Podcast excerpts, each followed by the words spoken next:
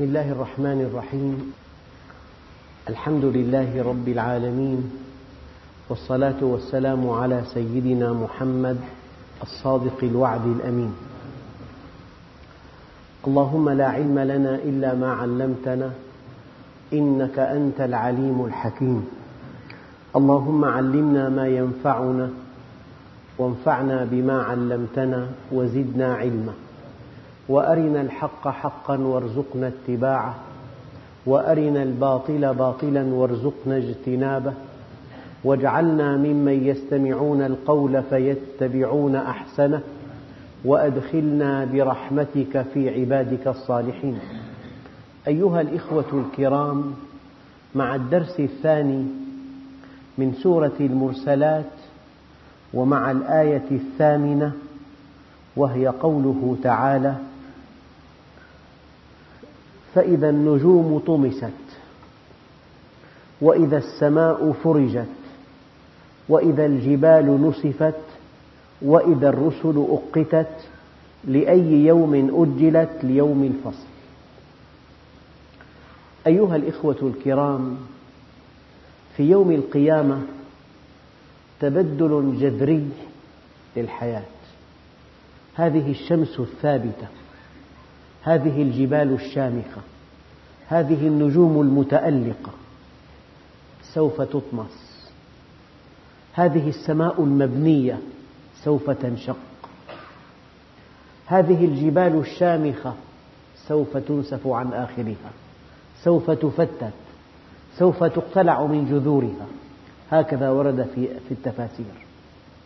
وإذا الرسل أقتت هؤلاء الذين أرسلهم الله عز وجل للبشر سيأتون ليقفوا أمام الله عز وجل ليسألوا عن أداء مهمتهم وليسأل الذين أرسلوا إليهم عن استجابتهم. المرسل سيسأل والمرسل إليه سيسأل. ولو وقفنا عند هذه الآية وقفة متأنية. الإنسان يتكلم سيسأل يوم القيامة أولا هل أديت أمانة التبليغ؟ الأنبياء يسألوا هل أديتم أمانة التبليغ؟ وأنت حينما تقف أمام مقام النبي عليه الصلاة والسلام تقول أشهد أنك بلغت الرسالة وأديت الأمانة الآن أي إنسان تصدى للدعوة إلى الله سيسأل هل أديت أمانة التبيين؟ هل أخفيت شيئا ليس في صالحك, صالحك أن تظهره؟ هل ذكرت شيئا لست قانعا به ذكرته إرضاء لقوي؟ هل خشيت, هل خشيت غير الله عز وجل فسكت عن الحق إرضاء لهذا أو نطقت بالباطل إرضاء له كل إنسان تصدى للدعوة إلى الله سوف يسأل هل كان أمينا على شرع الله؟ هل كان أمينا على الفتوى؟ هل كان أمينا على الدعوة؟ هل كان أمينا على الحقيقة؟ هل, بل هل بين بشكل دقيق دقيق ما يعلم أم تكلم بما لا يعلم؟ مع العلم أن الله سبحانه وتعالى ذكر المعاصي بشكل تصاعدي.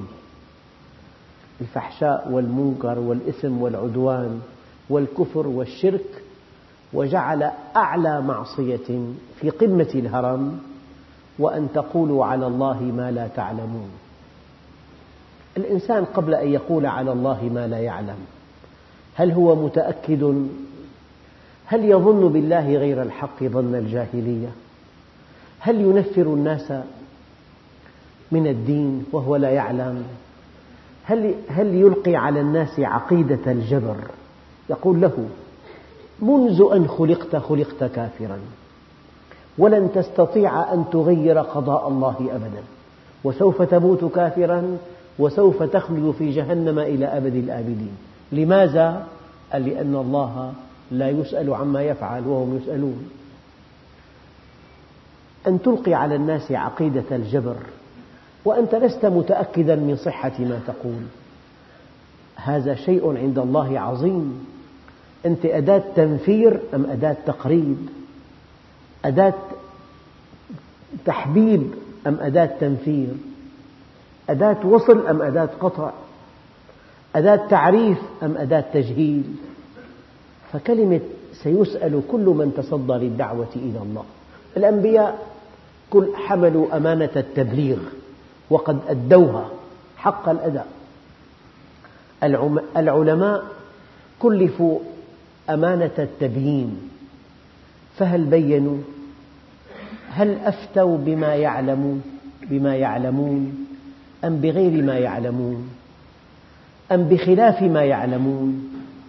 هناك من يفتي بعلم وهناك من يفتي بغير علم وهناك من يفتي بغير ما يعلم بخلاف ما يعلم.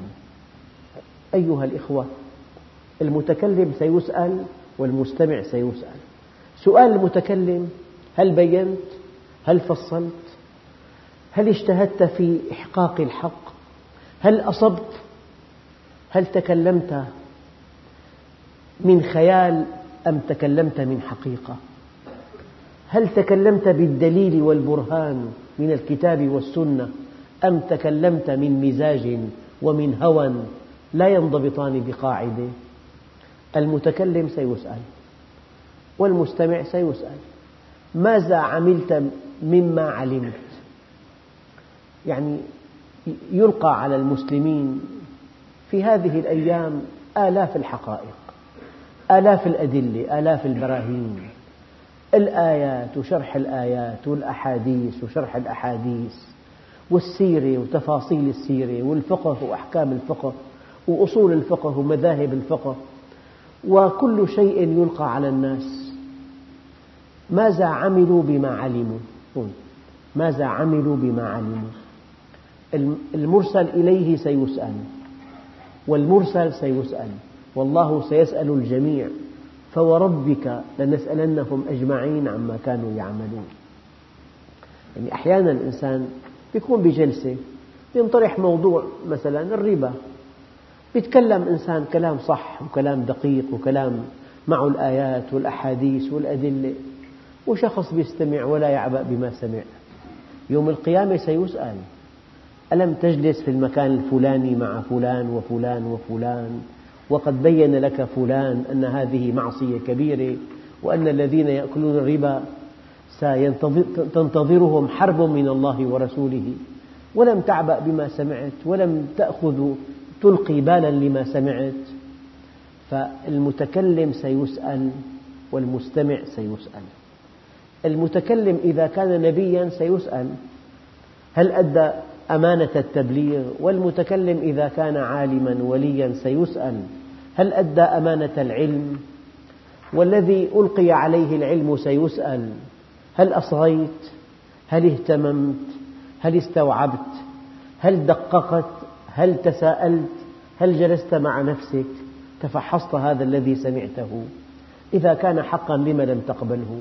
وإذا كان باطلا لم لم ترد, ترد عليه؟ هناك المشكلة. أننا سوف نس... نحن الآن في زمن هدنة. دقق في العام الدراسي. ما في عقوبات لا في نجاح ولا في رسوب أثناء العام الدراسي. الطلاب جميعا يعني يذهبون إلى المدرسة ويخرجون منها ويستمعون إلى الدروس. لكن في يوم سيجلس فيه الطلاب على مقاعد الامتحان.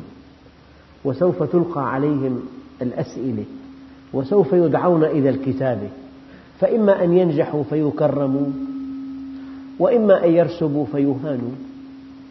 في يوم في سؤال نحن الآن في زمن هدنة. حي بيوت بيت في صلاة بيت ما في صلاة. بيت في صحن بيت ما في صحن. بيت في فتيات متفلتات بيت ما في محجبات. بيت يتلى فيه القرآن بيت تصدح فيه الأغاني. بيت فيه حفلات مختلطة بيت فيه حفلات منضبطة. بيت فيه أمر بالمعروف بيت فيه أمر بالمنكر. بيت منضبط بيت متفلت. أما كلهم يأكلون ويشربون وينامون ويعملون وهم يعني في مستوى واحد في المجتمع. نحن في زمن هدنة الآن. نحن في أثناء العام الدراسي. ولكن يوم القيامة سوف نسأل. لما فعلت؟ لما لم تفعل؟ لما أعطيت؟ لما لم تعطي؟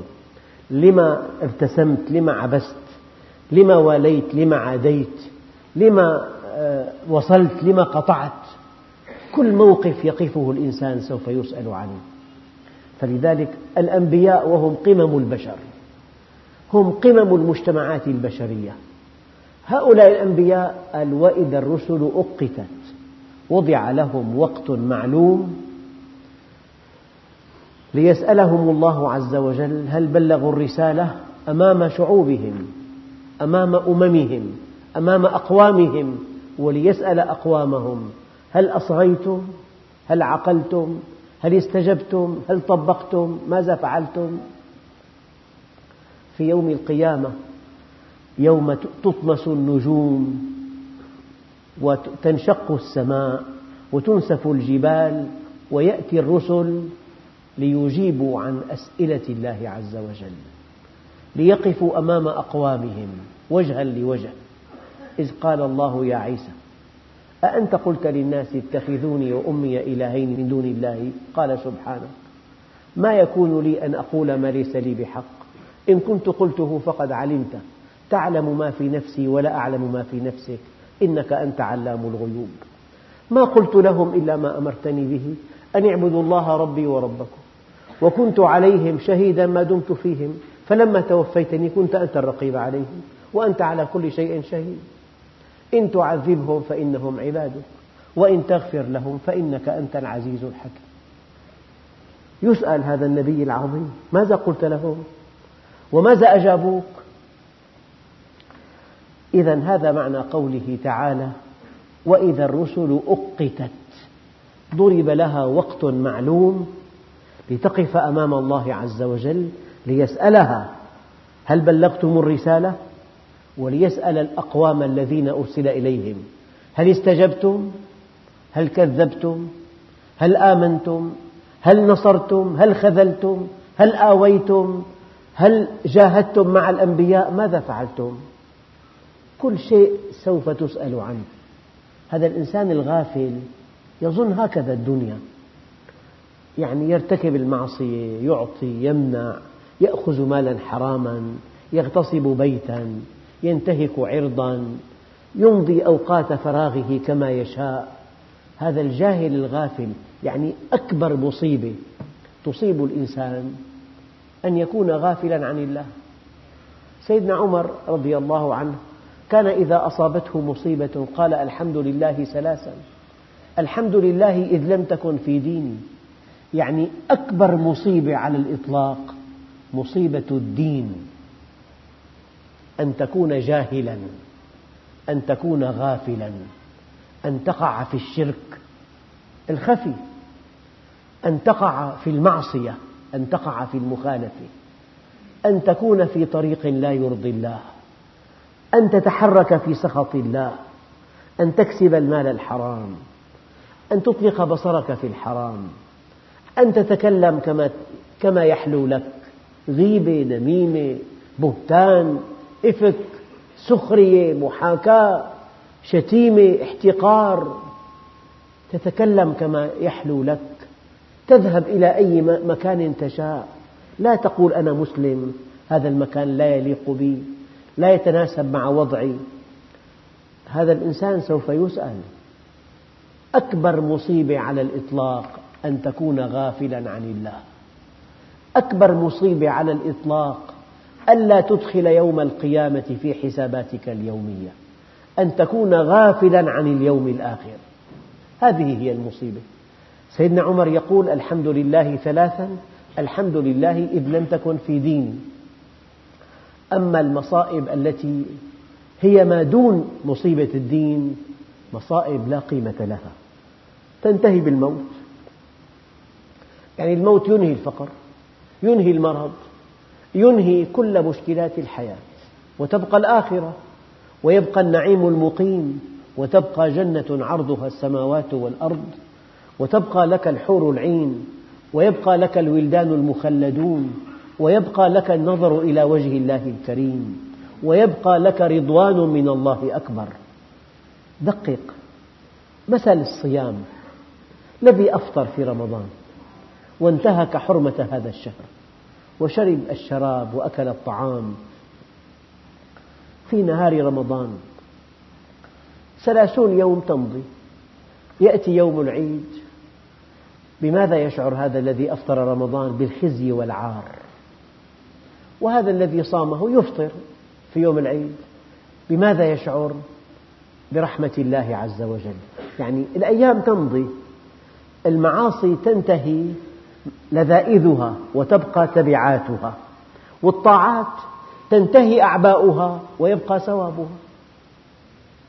شيء دقيق كالعام الدراسي الذي اجتهد وسهر ودرس وراجع وذاكر بالامتحان نجح ينسى كل التعب ويبقى التألق ومكانته الرفيعة بين الناس ونجح بتفوق والذي رسب والذي تكاسل فرسب ينسى كل أيام النوم ساعات النوم المديدة وساعات السهر مع أصدقائه ويبقى الخزي والعار أمام الناس. شيء دقيق. اللذائذ تنتهي وتبقى التبعات والمتاعب تنتهي وتبقى المكافآت. فلذلك أكبر مصيبة على الإطلاق أن يكون الإنسان غافلا عن الله أن يكون منغمسا في المعاصي والآثام أن يكون ماله حراما أن يكون بيته غير إسلامي أن يكون عمله لا يرضي الله عز وجل. هذه المصيبة. أما المرض بتقدير الله عز وجل. المرض ليس وصمة عار قضاء قدر من الله عز وجل. من صبر على مرضه كافأه الله بجنة عرضها السماوات والأرض. يعني كل الناس يحاسبون حسابا دقيقا إلا فئة واحدة. الصابرون. قال إنما يوفى الصابرون أجرهم بغير حساب. أنتم روحوا من دون حساب. فإذا الإنسان في الدنيا أصابته مصيبة ورآها من الله عز وجل. ورأى يد الله وراءها. رأى يد الله الرحيمة الحكيمة العادلة. يد الله التي رحمته بهذه المصيبة. صبر على هذه المصيبة. إنما يوفى الصابرون أجرهم بغير حساب. فإذا النجوم طمست وإذا السماء فرجت وإذا الجبال نسفت وإذا الرسل أقتت. لنا وقفة مع رسول الله. يا رب هؤلاء قومي أمتي أمتي يقول الله له ما تدري ماذا أحدثوا بعدك؟ من فتن من شهوات من بدع من انحرافات كيف كان بأسهم بينهم؟ لم يرحموا صغيرا ولم يوقروا كبيرا ولم يؤدوا ما عليهم من حقوق انغمسوا في الشهوات وأمروا بالمنكر ونهوا عن المعروف وكان بأسهم بينهم يا محمد لا تدري ماذا أحدثوا بعدك. فيقول عليه الصلاة والسلام سحقا سحقا. كل قوم سوف يقفون مع نبيهم. يسأله هل بلغتهم؟ فيقول يا رب بلغتهم. لم لم تستجيبوا؟ وسيق الذين كفروا إلى جهنم زمرا. حتى إذا جاءوها فتحت أبوابها وقال لهم خزنتها ألم يأتكم رسل منكم يقصون عليكم آيات ربكم وينذرونكم لقاء يومكم هذا؟ قالوا بلى ولكن حقت كلمة العذاب على الكافرين. وإذا الرسل أقتت لأي يوم أجلت؟ ليوم الفصل. اسمه يوم القيامة والحاقة والطامة ويوم الدين ويوم الديدونة ويوم الجزاء واليوم الآخر ومن أسماء يوم القيامة يوم الفصل. العالم كله كل يتوهم أنه على حق. في نظريات عرقية لك تطهير عرقي. في نظريات آه، ضيقة الأفق في نظريات عشائرية في نظريات جنسية في رأي لعلماء الإنسان كتلة من الجنس وكتلة من الاقتصاد وكل إنسان يدعي أنه على حق وأن نظريته صحيحة ومبدأه صحيح يعني الملل والنحل والمذاهب والطوائف والاتجاهات والأديان لا تعد ولا تحصى من هو على الحق؟ في بشرق آسيا مئات الأديان. شعوب يعبدون النار من دون الله. شعوب يعبدون البقر من دون الله. شعوب يعبدون بعض الحيوانات. شعوب يعبدون أحقر الحيوانات. شعوب يعبدون موج البحر. شعوب يعبدون الأعضاء التناسلية في الإنسان. شعوب يعبدون الشمس.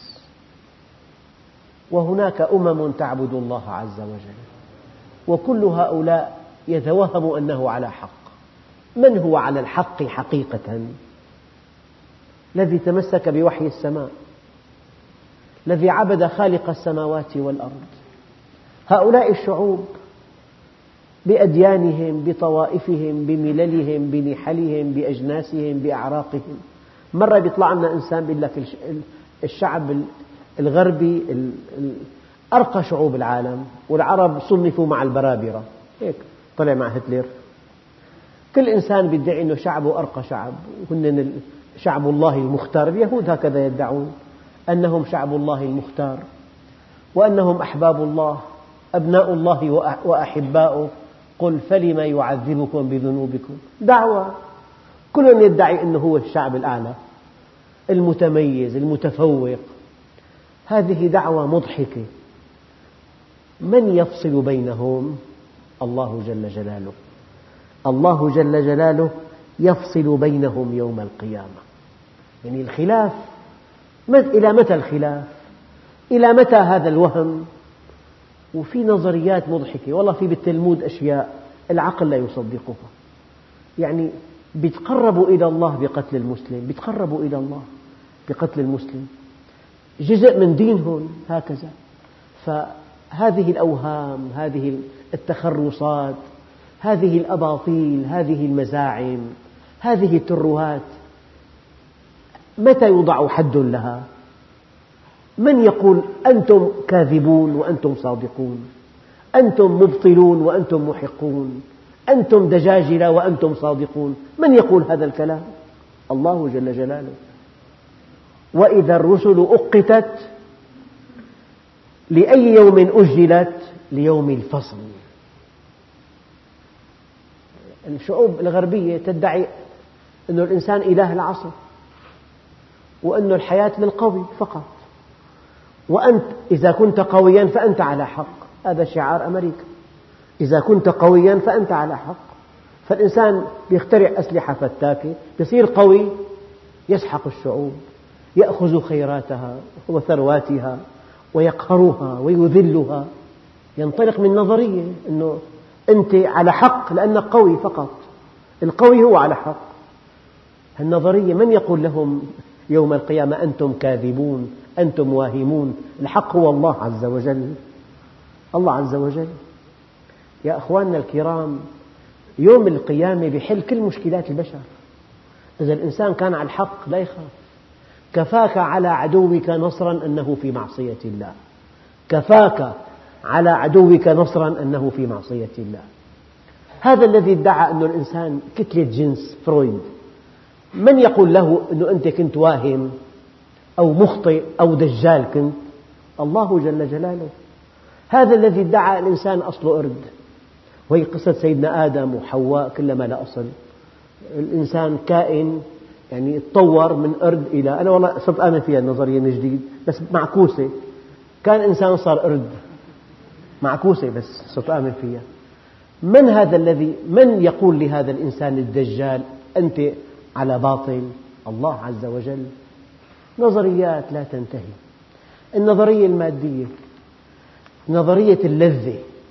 يجب أن تقتنص اللذة في أي لحظة. الوجودية المادية المثالية المسرفة في الخيال. هذه الاتجاهات والنظريات والمذاهب والأباطيل. وأديان لا يعلم عددها إلا الله. لا يعلم عددها إلا الله. آلاف الأديان. دين يقدس البقرة. يضعون روسها في غرف الضيوف في الأعياد روس البقر. ويتعطرون ببولها. نعم. وإذا مرت في الطريق يقطع الطريق. وإذا دخلت إلى بائع فاكهة هو يوم عيد عنده أن الإله دخل وأكل من الفواكه اللي عنده. شعوب بأكملها 850 مليون. من, من سيقول لهؤلاء أنتم واهمون؟ هذا كذب وافتراء. الله جل جلاله. فهو في خلاف. البطولة أن تكون مع الحق مع الوحي. مع خطاب السماء إلى الأرض مع هذا القرآن الذي لا يأتيه الباطل من بين يديه ولا من خلفه. أن تكون مع الإله الواحد مع الإله خالق السماوات والأرض أن تكون مع منهجه أن تطبق افعل ولا تفعل. طبعا يعني في بعض أنواع الأطعمة في آسيا أفخر أنواع الطعام يأتون بقرد وهو حي. يضعونه في قفص ويضعون رأسه في مكان محكم ويقلعون غطاء رأسه ويأكلون من دماغه بالملعقة وهو حي. هكذا يأكل بعض الشعوب. أكلة غالية جدا. يأكلون القطط أحيانا الكلاب. طيب من يقول لهؤلاء أنتم على خطأ شديد؟ العبرة أن تكون مع الحق مع منهج الله عز وجل مع تعليمات الصانع خالق الكون.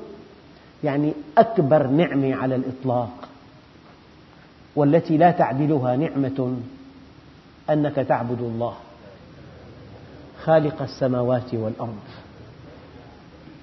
أخ كريم أقام في اليابان فترات طويلة اختصاصه في أجهزة إلكترونية. استطاع أن يدخل إلى معابدهم. ماذا يعبدون؟ ذكر الرجل يعبدونه. يخضعون له يقدسونه. هكذا. شعوب في متاهات في بعد عن الله عز وجل في شطط. هؤلاء الضالون هؤلاء المنحرفون هؤلاء الواهمون. هذه المذاهب الضالة المضللة هذه النظريات المضحكة.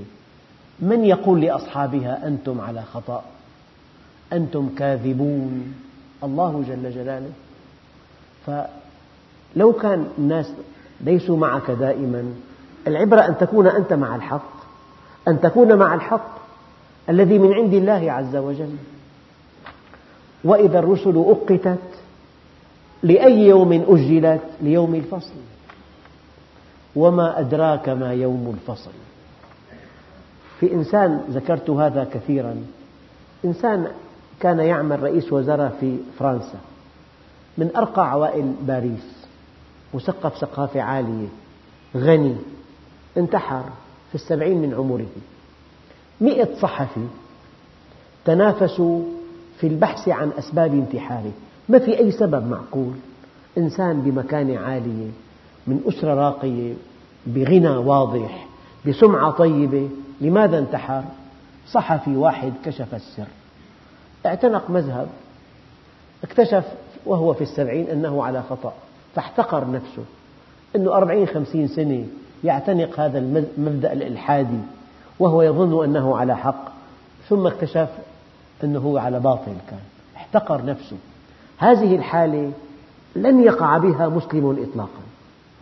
الأيام مهما امتدت لا تزيدك إلا يقينا بأنك على حق وأن هذا الدين هو الأصل وأن الإسلام هو الدين الحقيقي والذي سيظهره على الدين كله ولو كره الكافرون ولو كره المشركون. وما أدراك ما يوم الفصل. هذا اليوم يوم عسير يوم صعب. الإنسان يكتشف أنه كان على باطل. كان على وهم كان على انحراف وأن اللذائذ قد انقضت. في بمصر عبدة الشيطان إباحية مطلقة. ينطلقون من نظرية من فكر لكنهم يكافحون والحمد لله. إباحية مطلقة لا زواج ولا نسب ولا شيء من هذا القبيل. كائن يبحث عن شهوته بأي طريق بأي ثمن. فهؤلاء وما أدراك ما يوم الفصل ويل يومئذ للمكذبين. الهلاك لهم. من هم المكذبون؟ الذين كذبوا بوحي السماء كذبوا بآيات القرآن الكريم كذبوا بدعوة الأنبياء كذبوا بهذا الدين العظيم. ويل يومئذ للمكذبين. ويل يومئذ للمكذبين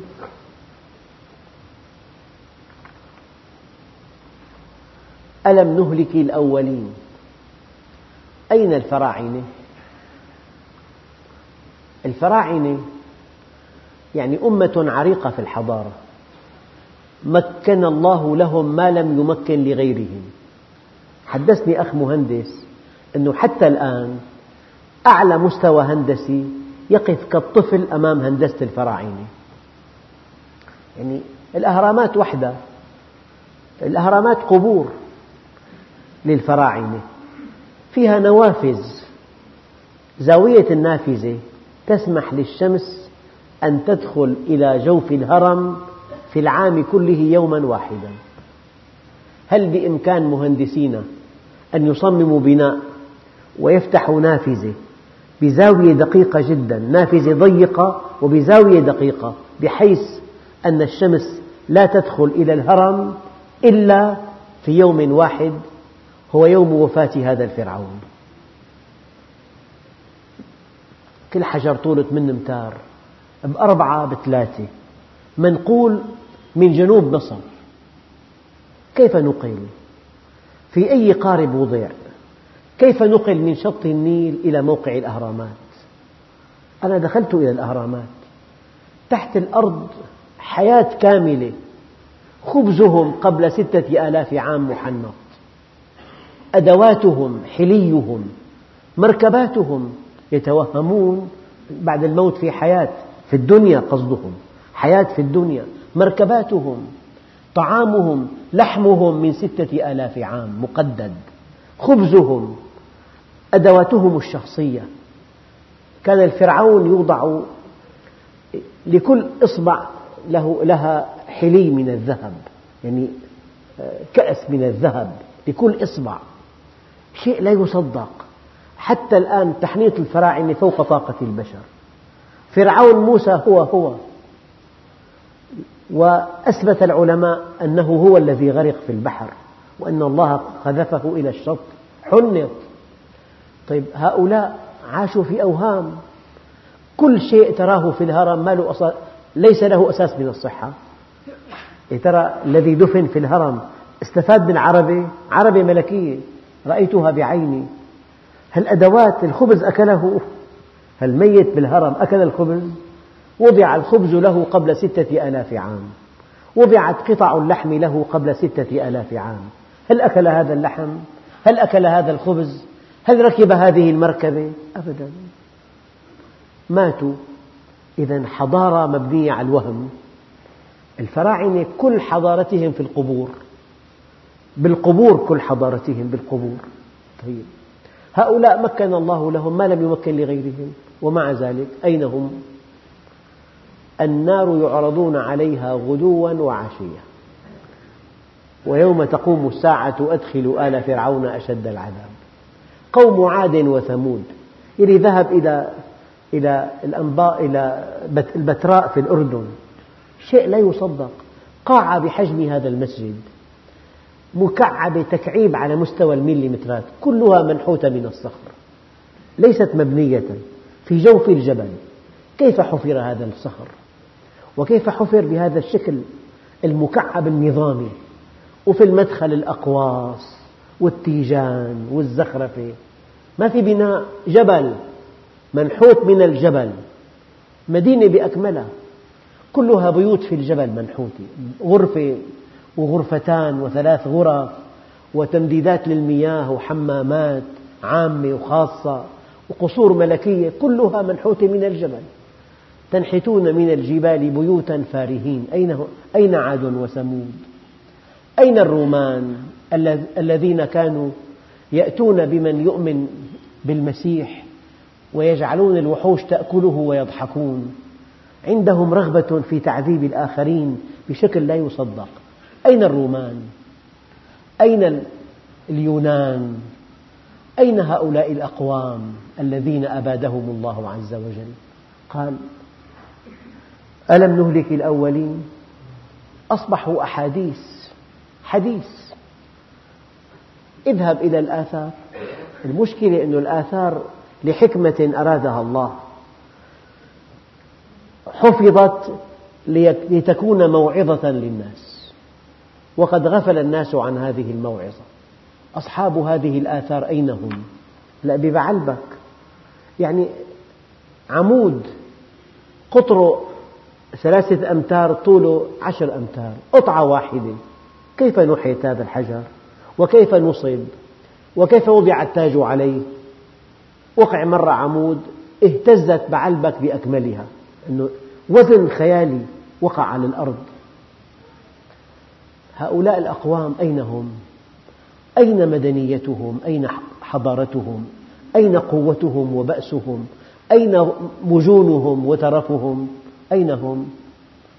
طواهم الثرى ألم نهلك الأولين ثم نتبعهم الآخرين في قرية في بعض البلاد العربية على الأطلسي يعني قرية ممنوع للمغاربة أن يدخلوها فيها نوادي عراة وفيها فسق وفيها فجور فيها شيء لا يوصف من المعاصي وفيها فندق 30 طابق.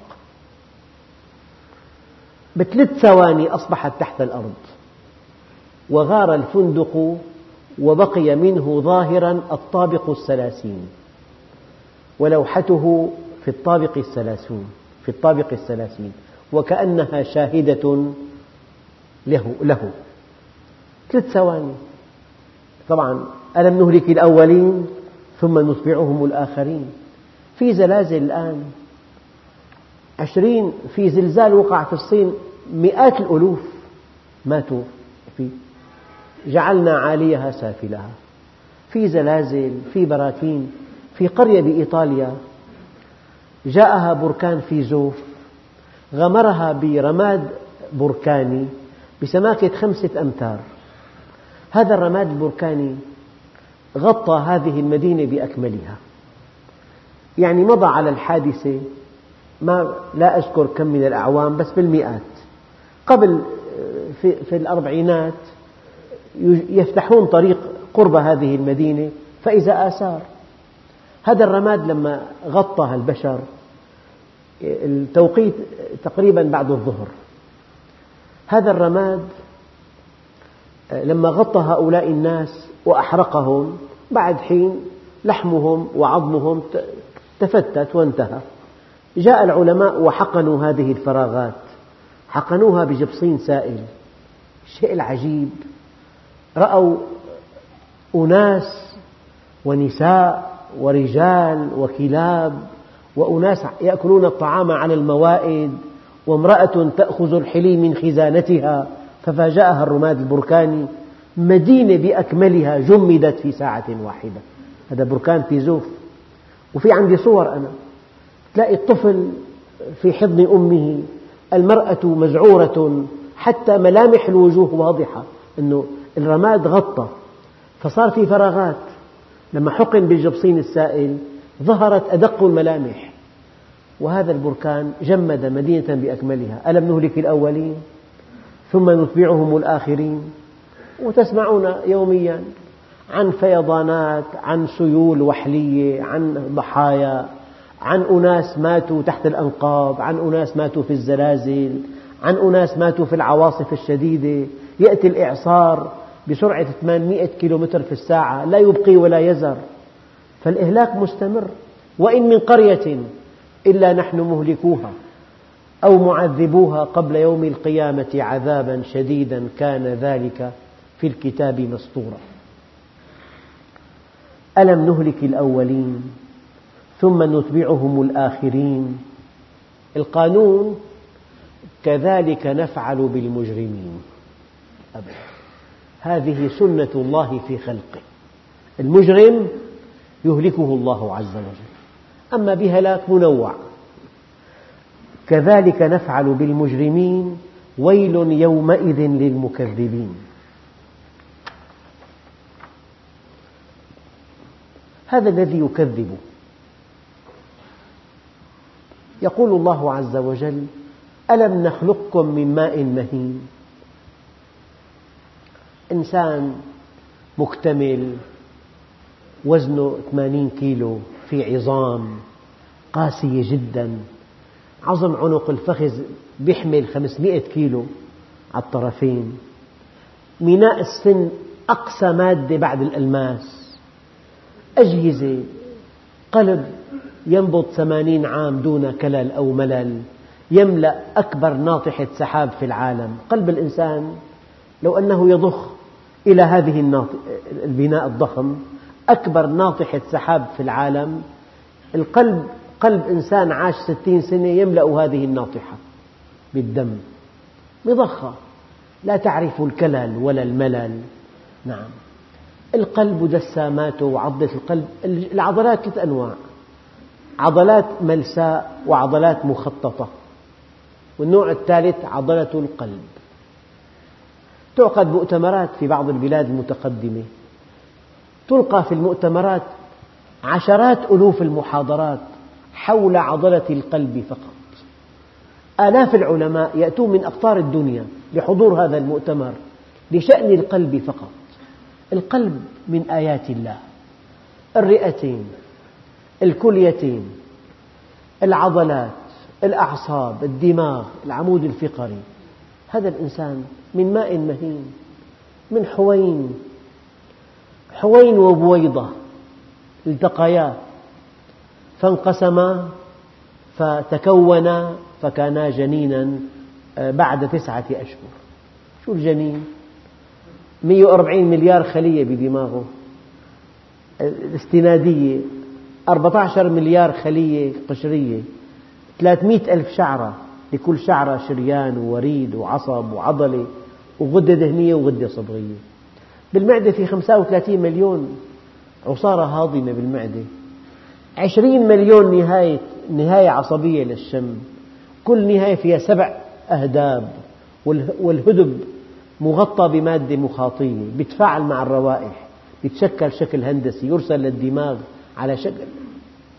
بالدماغ في ملف في عشرة آلاف رائحة. هي الشم فقط. العين فيها 130 مليون مخروط وعصية بالشبكية. الشبكية عشر طبقات. العصب البصري 900 ألف عصب. وكل عصب له ثلاث أغمدة بيقول لك والله عم يطلع على التليفون مكالمة ثانية الخطوط تعبانة. خط لامس خط طلعت مكالمة ثانية 900 ألف عصب في عصب موحد. ولكل عصب أغماد ثلاثة. هي العصب البصري. العين على حجمها الصغير ترى الشيء بحجمه الحقيقي؟ العين البشرية بتفرق بين لونين من 800 ألف درجة من لون واحد. لو درجنا اللون الأخضر 800 ألف درجة العين الإنسانية السوية تفرق بين لونين. شو البعد الثالث الألوان الدقيقة. ما في تحميد لبكرة؟ لا تحميد فوري. ترى الصورة مباشرة بحجمها الطبيعي ملونة بأدق الألوان مباشرة. ألم نجعل له عينين؟ وهذا اللسان كل حرف تسهم في تشكيله سبعة عشر عضلة. كل حرف كلمة خمس حروف. محاضرة ساعة هي كم حرف؟ وكم حركة للعضلات؟ ما هذا اللسان؟ الرحمن علم القرآن خلق الإنسان علمه البيان. علمه يحكي. طفل مرة بسفر يبكي بكاء لا يحتمل. طعموه يبكي. نظفوه يبكي شيء بيحير شيء بيقطع القلب. داخل دبوس بجسمه ما له منتبهين أهله. ما في يحكي. له في دبوس بجسمي أموا لي ما بيعرف يحكي. الإنسان علمه البيان. الرحمن علم القرآن خلق الإنسان علمه البيان. من من خصائص الإنسان العالية البيان. فبيتكلم وبيحكي وبيشعر وبيتذكر وبيتخيل. بيتذكر حوادث قديمة الإنسان. ذاكرة الإنسان قد حبة العدس فيها سبعين مليار صورة. سبعين مليار صورة مرتبة ترتيب دقيق. في ذاكرة شمية في ذاكرة ألوان ذاكرة أسماء ذاكرة أرقام ذاكرة شيء عجيب. الذاكرة وحدها عالم قائم بذاته. الدماغ وحده 140 مليار خلية. شو العصب البصري والعصب السمعي؟ طريق الآلام. النهايات العصبية تصل إلى النخاع الشوكي والنخاع الشوكي إلى الجسم تحت السرير البصري منه إلى قشرة الدماغ. قال في على الطريق بوابات. هذه البوابات تغلق أحيانا فيمتنع الألم. من يتحكم بهذه البوابات؟ الحالة النفسية للمريض. فإذا إيمانه قوي وثقته بالله عالية وكان صابر الله عز وجل بكافئه بإغلاق بوابات الألم. دون أن يتألم. هذا الإنسان شيء عظيم. يعني إذا ماشي بالطريق وسمع بوق سيارة بيعرف الجهة. لأنه في جهاز بالدماغ معقد جدا. بيحسب تفاضل وصول الصوتين للأذنين. لوين دخل الصوت أول لليمين إذا من جهة اليمين السيارة بيعطي أمر معاكس. وأنت نايم. يمتلئ فمك باللعاب. بيجي أمر من داخل الفم إلى الدماغ. الدماغ بيعطي أمر للبلعوم بيغلق باب التنفس إغلاق محكم بيفتح باب المري تبلع ريقك وأنت نايم مرتاح. جسمك ضاغط جسمك العلوي مع الهيكل العظمي ضاغط على السفلي. التروية ضعفت صار في ضغط. في مراكز للإحساس بالضغط في الجسم. ترسل الدماغ إشارة الدماغ في نحن انضغطنا أنه هذا هيكل العظمي واللحم اللي فوق الهيكل فوق القسم التحتاني. ما بقى في تروية. بيجي أمر من الدماغ بيقلب الواحد. هو نايم. بيقلب. بس قلبه يمين قلبه يسار ولا بيوعى من التخت. متعادلة. ونقلبهم ذات اليمين وذات الشمال. قلب تقلب الإنسان آية لسان المزمار آية البروستات آية قاعدة بمكان دقيق. حينما تلتقي قناة ماء الحياة مع قناة البول في المستقيم عند اللقاء هو في البروستات. هي بتفرز مادة إذا كان الإنسان بده يخرج يفرغ المثانة فالبول حامضي وبيخرج المادة الحامضية. بتفرز البروستات مادة قلوية. تتعادل مع المادة الحامضية. وإذا بده يخرج ماء الحياة ماء الحياة نقي طاهر والطريق والممر فيه بول. بتفرز البروستات مادة مطهرة ثم مادة معطرة ثم مادة مغذية. ومثل يعني مثل سكك الحديد تفتح طريق المثانة تغلق طريق الخصيتين أو بالعكس. هذه تعمل لغدة 80 سنة فتح وغلق وإفراز وأنت لا تدري. آه، يقول الله عز وجل ألم نخلقكم من ماء مهين؟ والماء تستحي به لو ظهر على ثيابك. فجعلناه في قرار مكين. شوف القرار المكين الرحم لو جئت بامرأة ونصفتها بخط من قمة رأسها إلى أسفل قدميها. خط طولي منصف. ثم قست طولها ونصفته. مررت خط عرضي يتقاطع الخطان في رحمها. الوسط الهندسي في المرأة الرحم. وفي ضمن حجرة عظمية متينة الحوض. الرحم في قرار مكين. والدماغ في الجمجمة. والنخاع الشوكي في العمود الفقري. معامل كريات الدم الحمراء في نقي العظام والعين بالمحجر. شوف الحكمة الإلهية. لو واحد وقع على رأسه العين محفوظة هي ضمن محجر. لو أن العين خارجية أربع أخماس الأطفال تفقأ أعينهم أثناء اللعب. العين بالمحجر والدماغ بالجمجمة والنخاع الشوكي بالعمود الفقري. ومعامل كريات الدم الحمراء بنقي العظام والرحم بالحوض. أخطر أيام الحمل أوائله بالحوض. نعم. قال ألم نخلقكم من ماء مهين فجعلناه في قرار مكين إلى قدر معلوم؟ تسعة أشهر وعشرة أيام. بيجي أمر بيقلب الجنين وأمر ثاني يعني أمر يتعلق بالمشيمة وأمر ثالث يتباعد الحوض عند المرأة. تباعد ميكانيكي حوض المرأة بالوضع الطبيعي مستحيل تولد. لا بد من تباعد عظام الحوض بشكل ميكانيكي. الله عز وجل قال ثم السبيل يسر. طفل يعني هذا الرحم يعمل تقلصات. لو أن الطريق مفتوح أمامه لقذف الوليد إلى 12 متر. كل طلقة. بس في حكمة إلهية بالغة. نعم. إلى قدر معلوم. فقدرنا فنعم القادرون. ويل يومئذ للمكذبين. أيها الإخوة الكرام خلق الإنسان آية كبرى دالة على عظمة الله عز وجل. والإنسان يعني إذا فكر بخلقه شيء قريب منه. يعني كل واحد له عينان وله أذنان وله لسان وله فم. وله بلعوم وله مري وله أمعاء وله تنفس وله قلب وله كليتان وله عظام.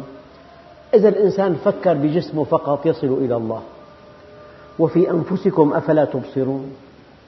فربنا عز وجل يذكرنا ألم نخلقكم من ماء مهين فجعلناه في قرار مكين إلى قدر معلوم فقدرنا فنعم القادرون.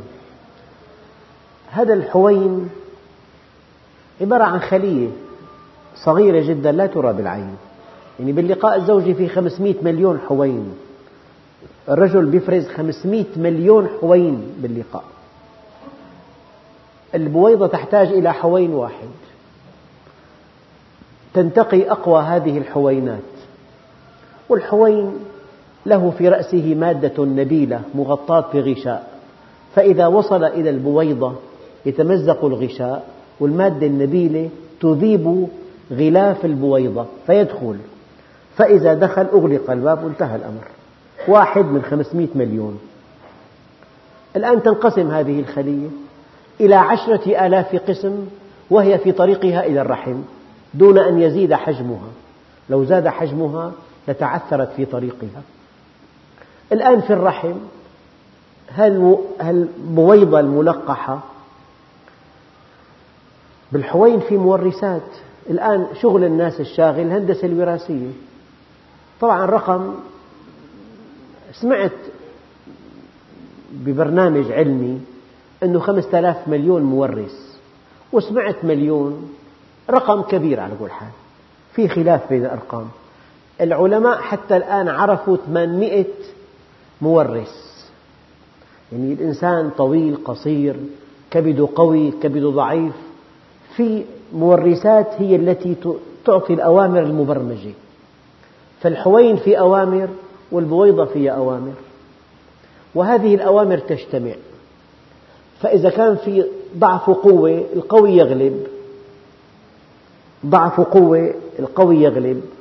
لهذا ورد عن سيدنا عمر بحديث آه، موقوف عليه لكن سمعه من رسول الله اغتربوا لا تضوا الاغتراب بالزواج يبعد ضعف النسل. وعقدت مؤتمرات كان محورها أن التباعد يقوي النسل ويحسن النسل. فهالحوين في أوامر والبويضة فيها أوامر؟ الشيء اللطيف أن هذه الأوامر حينما تتحد إنا خلقنا الإنسان من نطفة أمشاج نبتليه. هذه الأوامر حينما تتحد تصبح منظومة أوامر. تقسم إلى قسمين. قسم يشكل الجنين وقسم يودع في جهاز الجنين التناسلي ليكون ابن الجنين على شاكلة أبيه. تلاقي هلا الشعوب كلها لها شكل موحد. لولا هذه الخاصة ما في إنسان شابه أباه أبدا. هذا ابن فلان؟ ابن فلان. معنى ذلك أن المورثات قسمت إلى قسمين. قسم ساهم في تشكيل الجنين وقسم أودع في جهاز الجنين التناسلي ليكون ابن الجنين على شاكلة أبيه. شيء علم الأجنة الآن علم متقدم جدا وفي شيء لا يصدق. نعم. إذا ألم نخلقكم من ماء مهين فجعلناه في قرار مكين إلى قدر معلوم فقدرنا فنعم القادرون ويل يومئذ للمكذبين. هؤلاء الذين يكذبون بهذا الدين يكذبون هذا الدين يكذبون هذا القرآن يكذبون هذا العلم الشرعي الصحيح يكذبون ما في الوحي من عقائد ومن تفاصيل. هؤلاء سوف يدفعون الثمن باهظا يوم القيامة. وفي درس آخر إن شاء الله نتابع هذه الآيات والحمد لله رب العالمين.